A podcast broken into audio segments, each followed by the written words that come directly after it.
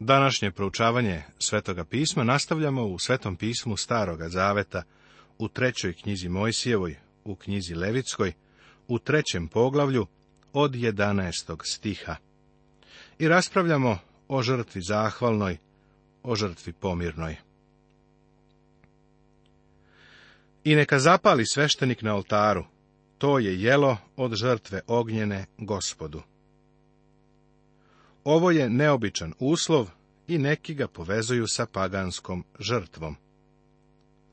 Iz asirskih zapisa iz Esarhadona znamo da je prinosilac žrtve prinosio bogovima i onda je pirovao sa tim bogovima. Međutim, u zahvalnoj žrtvi istina je suprotna. Bog gosti donosioc. Bog to vrlo jasno izražava u petoj knjizi Mojsijevoj i u knjizi ponovljenog zakona, u 12. poglavlju, gde se kaže Onamo nosite žrtve svoje paljenice i druge žrtve svoje i desetke svoje i prinose ruku svojih i zavete svoje i dragovoljne prinose svoje i prvine od stoke svoje krupne i sitne. I jedite onde pred gospodom Bogom svojim i veselite se vi i porodice vaše svačim zašto se prihvatite rukom svojom, čim te blagoslovi gospod, Bog tvoj. Salo se potpuno spaljivalo, ali je sveštenik dobijao grudi i pleće. Donosilac je jeo ostatak i činio je to u Božijem domu. Bog je bio domaćin, a donosilac, grešnik, je bio gost.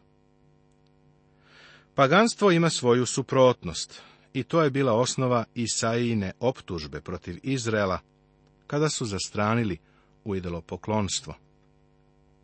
A vi, koji ostavljate gospoda, koji zaboravljate svoju svetu goru, koji postavljate sto gadu i nalivate naliv meniju, kaže se u Isaiji u 65. poglavlju od 11. stiha. Bog obezbeđuje sto za žrtvu zahvalnu, ovo nam osvetljava mnoge stihove iz Svetog pisma. Postavio si predamnom trpezu na vidiku neprijateljima mojim, kaže se u psalmu 23. Hrane se izobila doma tvojega, kaže psalam 36. Ja sam živi hleb koji je sišao sa neba. Ako ko jede od ovog hleba, živeće doveka, kaže se u evanđelju po Jovanu u šestom poglavlju. Uzmite, jedite, ovo je telo moje, kaže su evanđelju po Mateju, u 26. poglavlju, u 26. stihu. Gospod priprema sto spasenja i zajedništva. To je naglašeno u žrtvi zahvalnoj. Ovo nam olakšava da razumemo priču o izgubljenom sinu. Otac je ubio ugojeno tele kada se sin ponovo vratio u zajednicu. U priči o velikoj gozbi, gospodar je taj koji poziva. Dođite, jer je već sve gotovo. Ovo je sto spasenja koji je Bog pripremio. Zatim ponovo i ponovo čitaj prvu poslanicu Jovanovu, prvo poglavlje.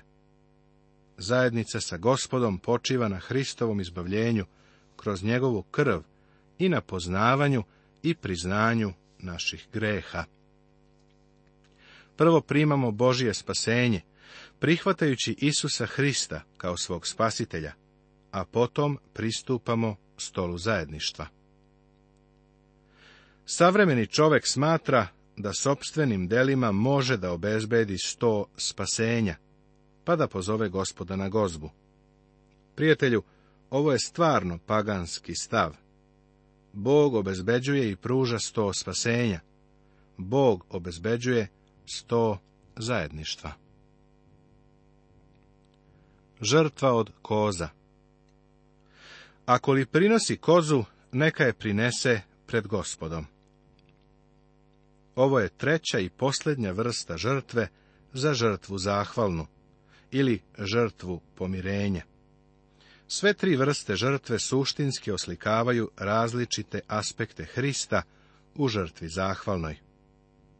Koza predstavlja potpunu identifikaciju Hrista kao onoga ko može da uzme i ponese grehe čoveka. On je učinjen grehom radi nas. Ovo nije tek neka lepa izjava, nego stvarna činjenica. On je pomirna žrtva za naše grehe, što znači da je adekvatno i u potpunosti platio kaznu za naše grehe. Čuo si izjavu, neću da iko od mene pravi kozu. Pa prijatelju, Hristos je bio spreman da za tebe bude učinjen ovakvom žrtvom. Podneo je potpunu kaznu za tvoj i moj greh. Njegova žrtva za greh jasno se vidi u jevrejima poslanici u desetom poglavlju, od 6. do 14. stiha Svetog pisma Novog Zaveta. Obred ove žrtve prati uzor prinošenja žrtve od goveda i sitne stoke. I neka joj metne ruke u svoju na glavu, i neka je zakolje pred šatorom od sastanka, i neka sinovi Aronovi pokrope krvlju njezinom oltar ozgo unaokolo. Potom neka sveštenik prinese od nje na žrtvu što se pali gospodu. Salo što pokriva creva i sve salo što je na crevima. I oba bubrega i salo što je na njima i slabinama i mrežicu na jetri s bubrezima neka izvadi. I neka zapali sveštenik na oltaru, to je jelo od žrtve ognjene za ugodni miris. Sve je salo gospodnje. Večan zakon neka vam bude od kolena do kolena, u svim stanovima vašim, da ne jedete sala ni krvi. Ovde postoje dva momenta koja treba da nas zaustave makar na trenutak. Sve je salo gospodnje i da ne jedete sala ni krvi. Ove dve zabrane su baš upadljive. One su opširnije objašnjene u zakonu o žrtvi zahvalnoj u sedmom poglavlju. Razlog za zabranu da se jede krv iznesen je u trećoj knjizi Mojsijevoj u 17. poglavlju, a mi ćemo kasnije u okviru našeg proučavanja o tome govoriti. Razlog zašto ne treba jesti salo je ovde dat. Salo je gospodnje. Čovek je bio podsjećan da je otkupljen krvlju. To je osnova i temelj za prihvaćenost pred Bogom. To nas dovodi do stola zajedništva sa Bogom, ali salo je gospodnje. On traži najbolje. Ako u punini želimo da uživamo u našem zajedništvu sa njim, onda je imperativ da njemu damo naše najbolje. Žrtva ljubavi našega života mora da prati naše otkupljenje, da bismo ušli u slatki mir zajedništva. To je poruka Rimljanima poslanice 12. poglavlja, Evanđelja po Jovanu 15. poglavlja i poslanice Filipljenima 3. poglavlja. Spasenje je krvlju. Posvećenje i služba su kroz salo. Zakon za žrtvu zahvalnu Zakon za žrtvu zahvalnu je dat u trećoj knjizi Mojsijevoj u sedmom poglavlju od 11. do 38. stiha. Ovo je najopširnije od svih uputstava za pet žrtava, a i posljednje je. Vrednost drugih žrtava mora da se prinese pre nego što možemo da uživamo u Božijem miru. U sedmom poglavlju ćemo o ovome detaljnije govoriti. Ovdje je dovoljno reći da su Aron i njegovi sinovi dobijali deo žrtve zahvalne, grudi i plečku. Grudi govore o Hristovoj ljubavi prema nama, a plečka govori o Hristovoj sili i snazi. On može da nas u potpunosti spase. To je naš deo u Hristu. Da li ga čuješ, prijatelju? Da li ga čuješ u ovoj njegovoj žrtvi zahvalnoj? Poglavlje četvrto Tema Žrtva za greh greh kao priroda. Ovo je prva žrtva koja nije ugodni miris. Tri žrtve koje su ugodni miris pred gospodom predstavljaju nam ličnost Hristovu u njegovom celokupnom slavnom karakteru. Dve žrtve koje nisu ugodni miris pred gospodom iznose nam Hristovo delo na krstu, delo radi greha. Žrtva za greh nam govori o grehu kao prirodi. Žrtva za prestupe o grehu govori kao o činu. Vidiš, čovjek je grešan po svojoj prirodi, a grešnik je radi onoga što čini.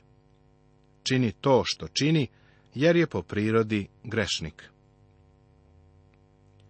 Nekoliko upadljivih osobina odvaja žrtvu za greh od ostalih žrtava i naglašava njen značaj prvo. Ovo je najduži izveštaj o jednoj žrtvi, jer je dva puta duži od izveštaja o četiri ostale žrtve. Žrtva Paljenica ima sedamnaest stihova. Jestiva žrtva ima šestnaest stihova, a žrtva za prestup ima devetnaest stihova. Međutim, žrtva za greh ima 35. Duh Sveti je očigledno mislio da je ovo pitanje važno. Drugo, Žrtva za greh je u potpunosti nova žrtva. Sve do ovog vremena nigde ne postoji zapis o žrtvi za greh. Nema prethodnih pisanja o tome koja se pojavljuju u Svetom pismu. Nijedan paganski narod nikada nije imao ništa slično. Treće. Od vremena davanja zakona, ova žrtva je postala najznačajnija i najizrazitija. Vidiš, čovek je bio grešnik i pre nego što je dat zakon, ali je u stvari baš zakon njemu otkrio da je grešnik. Žrtva za greh prinosila se u toku svih praznika, pashe, pentekosta, praznika presnih hlebova, praznika senica. Prinošena je i na veliki dan pomirenja, odnosno Jom Kipur. Tog dana je prvosveštenik ulazio u svetinju nad svetinjama. Četvrto. Ona se razlikuje od žrtve paljenice, iako se pripremala na istom mestu. Kaži Aronu i sinovima njegovim i reci, ovo je zakon za žrtvu radi greha. Na mesto gde se kolje žrtva paljenica, neka se kolje i žrtva za greh pred gospodom. Svetinja je nad svetinjama, zapisano je u trećoj knjizi Mojsijevoj u šestom poglavlju. Gde prestaje žrtva paljenica, tu počinje žrtva za greh. Žrtva paljenice nam govori ko je Hristos. Žrtva za greh nam govori šta je Hristos učinio. U žrtvi paljenici Hristos ispunjava zahteve visokih i svetih Božih standarda. U žrtvi za greh Hristos zadovoljava duboke, očajničke potrebe čoveka. U žrtvi paljenici vidimo Hristovu dragocenost, a u žrtvi za greh vidimo grozotu, mrzost greha. Žrtva paljenice je bila dobrovoljna žrtva. Žrtva za greh je bila obavezna. Žrtva paljenica se uzdizala. Žrtva za greh se izlivala. Jedna je išla gore, a druga dole. Pregled Žrtve koje nisu ugodni miris, poglavlja četvrto i peto. Žrtva za greh, greh kao priroda, poglavlje četvrto. Gresi iz nehata, stihovi 1 i 2. Gresi sveštenika, stihovi od 3. do 12. Gresi zbora, stihovi od 13. do 21 gresi poglavara, stihovi od 22. do 26. Gresi običnog naroda, stihovi od 27. do 35. Zakon za žrtvu za greh, poglavlje 6. od 24.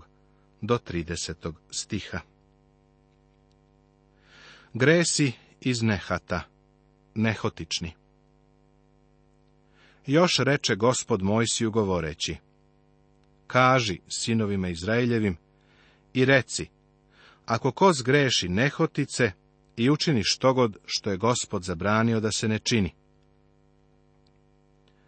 Ovde je naglasak na grehu koji je učinjen nehotice, u neznanju. Ako bi čovjek zgrešio namerno ili voljno, ova žrtva se nije prinosila. Kad neko prestupi Mojsijev zakon, bez milosti umire u prisustvu dva ili tri svedoka, kaže poslanica Evrejima u desetom poglavlju, 28. stih. Ovo govori o činjenici da za osobu koja voljno odbaci Isusa Hrista nema spasenja. Jer kad mi hotimično grešimo, pošto smo došli do poznanja istine, nema više žrtve za greh, nego samo strašno očekivanje suda i revnost vatre koja će proždirati protivnike, kaže se u ovom desetom poglavlju poslanice Jevrejima, svetoga pisma Novog Zaveta. Gresi iz nehata nam otkrivaju fundamentalnu istinu da je čovek po prirodi grešnik. Prijatelju, moram ovo da ti kažem. Ti si grešnik, bez obzira na to da li to znaš ili ne znaš. Grešnik si po prirodi. A i ja sam. Iz tog razloga mi grešimo. Uprkos poštovanju bilo kog vremena ili običaja, čovek je grešnik. Boži stav prema grehu se ne menja.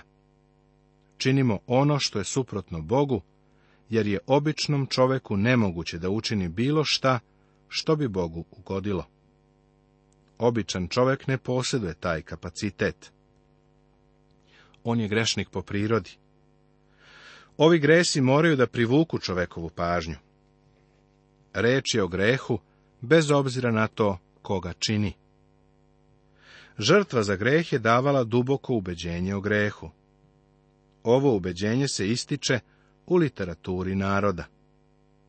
Duboki kompleks krivice mora da se dijagnosticira pre nego što se prepiše odgovarajući lek. Slušaj šta kaže psalmista. Okušaj me, Bože, i poznaj srce moje, ispitaj me i poznaj pomisli moje. I vidi jesam li na zlu putu i vodi me na put večni. Psalam 139. 23. i 4. stih Samo me tebi zgreših i na tvoje oči zlo učinih, a ti si pravedan u rečima svojim i čist u sudu svojem. Psalam 51. stih 4. To je ono što ja nazivam odlaskom na kauč gospoda Isusa Hrista umjesto na kauč psihijatra. Tako mnogo ljudi sa osjećanjem krivice odlazi kod psihijatra. Čovjek bi stekao utisak da psihijatri i psiholozi posjeduju umeće koje Božja reč ne otkriva, ali mislim da je to pogrešan utisak. Reč Božja u sebi sadrži lek za današnjeg čoveka. Ako imaš problem, i ako te muči kompleks i osjećanje krivice problem sa ličnošću, zašto ne odeš na gospodnji kauči i ne zavapiš, okušaj me Bože i poznaj srce moje, ispitaj me i poznaj pomisli moje i vidi jesam li na zlu putu. Prijatelju, naš problem nije taj da nam majke nisu dale svu potrebnu ljubav kad smo bili mali. Naš problem je u tome da smo po prirodi grešnici. Zato hajdemo na Božji kauč i svemu to recimo. Gresi iz nehata su bili dela koje je počinila osoba, koja u to vreme nije znala da je to greh. Ko će znati sve svoje pogreške? Očisti me i od tajnih, kaže psalam 19. Tako nam je potrebno da Bogu priznamo da smo grešna ljudska bića. Ako ne možeš da se setiš ničeg određenog, zašto bi se pokajao i što bi ispovedio, onda samo priznaj to ko si. Grešnik Jedna grupa ljudi se redovno okupljala na molitvu, a jedan od njih se uvek ovako molio. Gospode, ako smo učinili bilo kakav greh, oprosti nam. Ljudi su se umorili od te male formule, pa mu je jedan od njih rekao, što mu ne kažeš, šta je greh? Čovek je uzvratio, pa ja ne znam šta je. Vođa rekao, što ne pogađaš? I znaš šta? Prvo čovekovo nagađanje bilo ispravno. Naše grehe treba da ispovedimo Bogu. Ako bi čovjek grešio nehotično, nenamerno, nepromišljeno ili slučajno, Bog se postarao za njegovo izbavljenje. Uspostavio je gradove utočišta. Ovo ovome piše u četvrtoj knjizi Mojsjevoj u 35. poglavlju. Bog i za tebe ima utočište, prijatelju, ima lek za tebe. Dečice moja, pišem vam ovo da vi ne zgrešite. Ako ko zgreši, imamo zastupnika kod Oca, Isusa Hrista, pravednika, kaže prva poslanica Jovanova, drugo poglavlje, prvi stih. Pavle objašnjava razlog zašto misli da je on prvi od svih grešnika i kako je doživeo milost. Bio je hulnik i progonitelj i nanosio je štetu, ali je doživeo milost, jer je sve to činio nehotično u neznanju i neveri. Nastavlja i kaže, a blagodat gospoda našega sa verom i ljubavlju u Hristu Isusu prebogato se izli na mene. Istinite je reč i dostojna da je svi prime. Isus Hristos dođe na svet da spase grešnike od kojih sam prvi ja. Nastavit će se.